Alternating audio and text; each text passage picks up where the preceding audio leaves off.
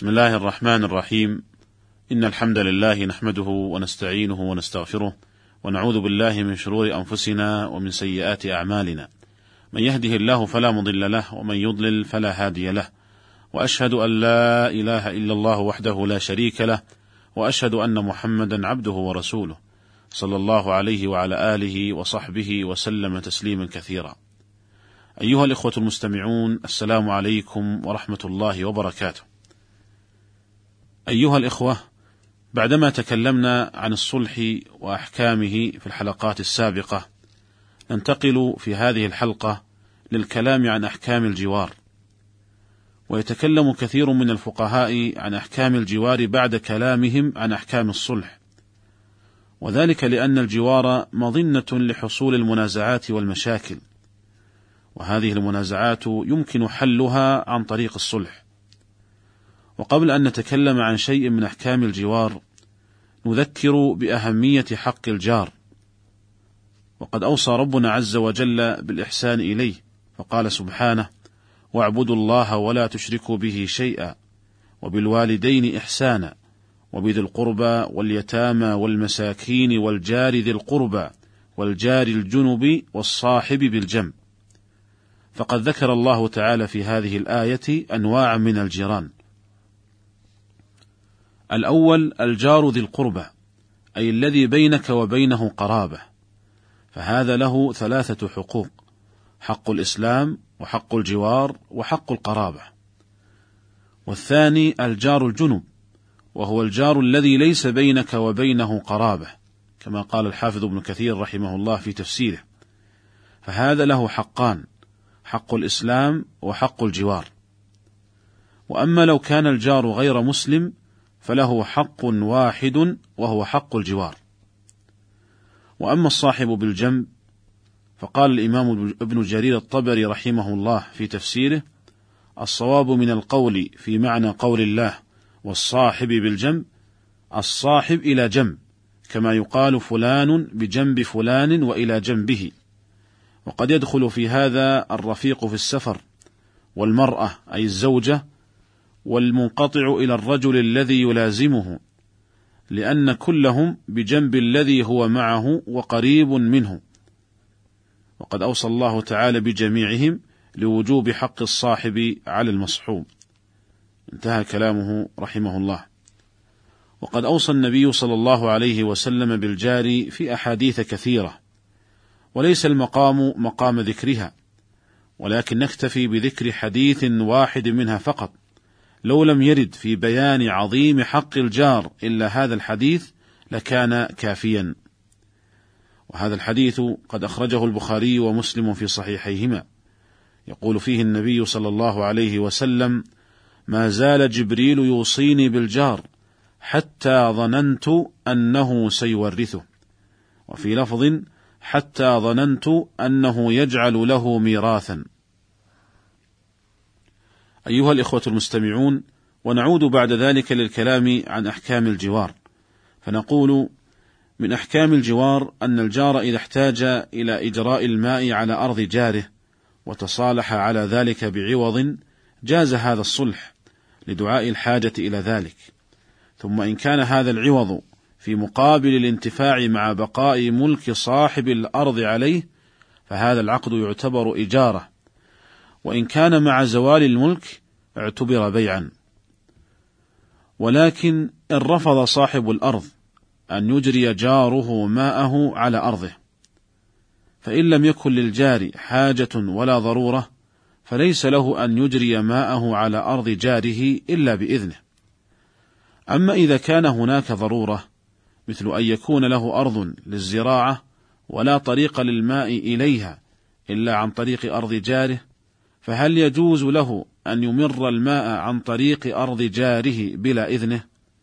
اختلف الفقهاء في ذلك على قولين والصواب أنه يجوز له ذلك ويجبره الحاكم في حالة امتناعه منه وهذا القول هو اختيار شيخ الإسلام ابن تيمية رحمه الله ويدل له قصة الخليفة بن الضحاك لما ساق خليجا لأرضه من العريض وهو واد بالمدينة فأراد أن يمره في أرض محمد بن مسلمة فأبى فكلم فيه عمر بن الخطاب رضي الله عنه فدعا عمر محمدا وقال له لم تمنع أخاك ما ينفعه؟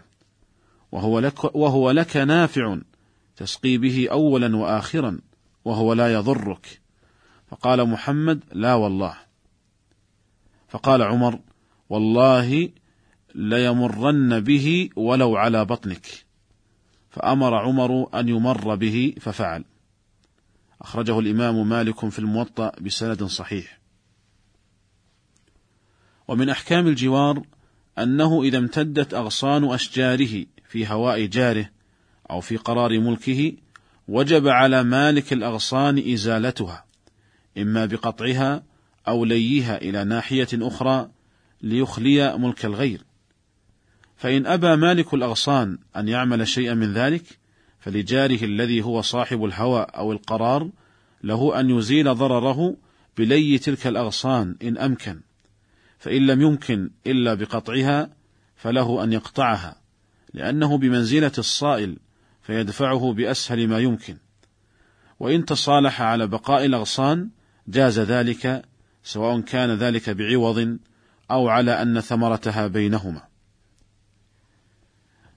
ومن أحكام الجوار أنه لا يجوز للإنسان أن يحدث في ملكه ما يضر بجاره لقول النبي صلى الله عليه وسلم لا ضرر ولا ضرار ومن صور الإضرار بالجار فتح نوافذ تطل على بيت جاره ومن ذلك أن يضع في بيته ماشية يصدر منها أصوات وروائح مزعجة لجيرانه.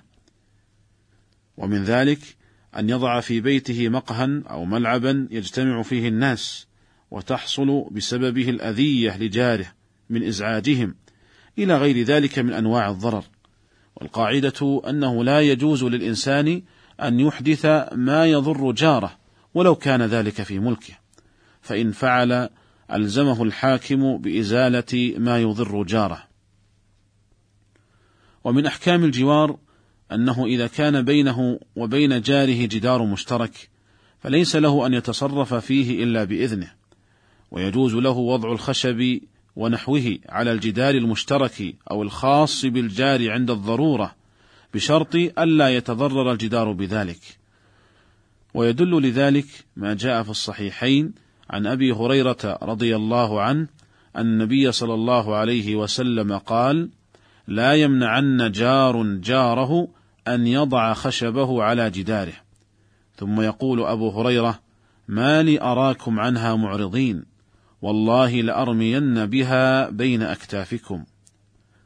فدل هذا الحديث على أنه ليس للجار أن يمنع جاره من وضع الخشب ونحوه في جداره ويجبره الحاكم إذا امتنع لأنه حق ثابت لجاره بحكم الجوار. وقول أبي هريرة في هذا الحديث ما لي أراكم عنها معرضين يحتمل معنيين. المعنى الأول ما لي أراكم عن هذه السنة معرضين والله لأرمين بها بين أكتافكم وخص الأكتاف بالذكر لأنها موضع التحمل. المعنى الثاني ما لي أراكم عنها معرضين أي تمنعون من وضع الخشب والله لأرمين بها أي بالخشب بين أكتافكم أي لألزمنكم بذلك. قال هذا لأنه لما قال هذا الكلام كان أميرا على المدينة. ومن أحكام الجوار ما ذكره الفقهاء من أنه إذا كان سطح أحدهما أعلى من سطح الآخر فليس لصاحب السطح الأعلى ليس له الصعود على سطحه على وجه يشرف على سطح جاره. إلا أن يبني سترة تستره. وكذلك ليس له أن يفتح النوافذ من بيته على وجه يكشف بها جاره. ويدل لذلك ما جاء في الصحيحين أن النبي صلى الله عليه وسلم قال لو أن رجلا اطلع عليك فحذفته بحصاة ففقأت عينه لم يكن عليك جناح. وإذا كان لا يجوز للإنسان أن يحدث في ملكه ما يضر بجاره فلا يجوز له كذلك أن يحدث في طرقات المسلمين ما يضايق به المارين في تلك الطرقات. فليس له أن يلقي في طرق المسلمين النفايات وأجزاء البناء والأحجار والحديد والإسمنت ونحو ذلك. يقول الله عز وجل والذين يؤذون المؤمنين والمؤمنات بغير ما اكتسبوا فقد احتملوا بهتانا وإثما مبينا. فعلى المسلم أن يحترم حقوق إخوانه المسلمين وأن يبتعد عن كل ما يحدث الأذية أو الضرر لإخوانه المسلمين. نسأل الله تعالى أن يبصر المسلمين في دينهم وأن يوفقهم لتطبيق أحكامه. وإلى لقاء في حلقة قادمة إن شاء الله. والسلام عليكم ورحمة الله وبركاته.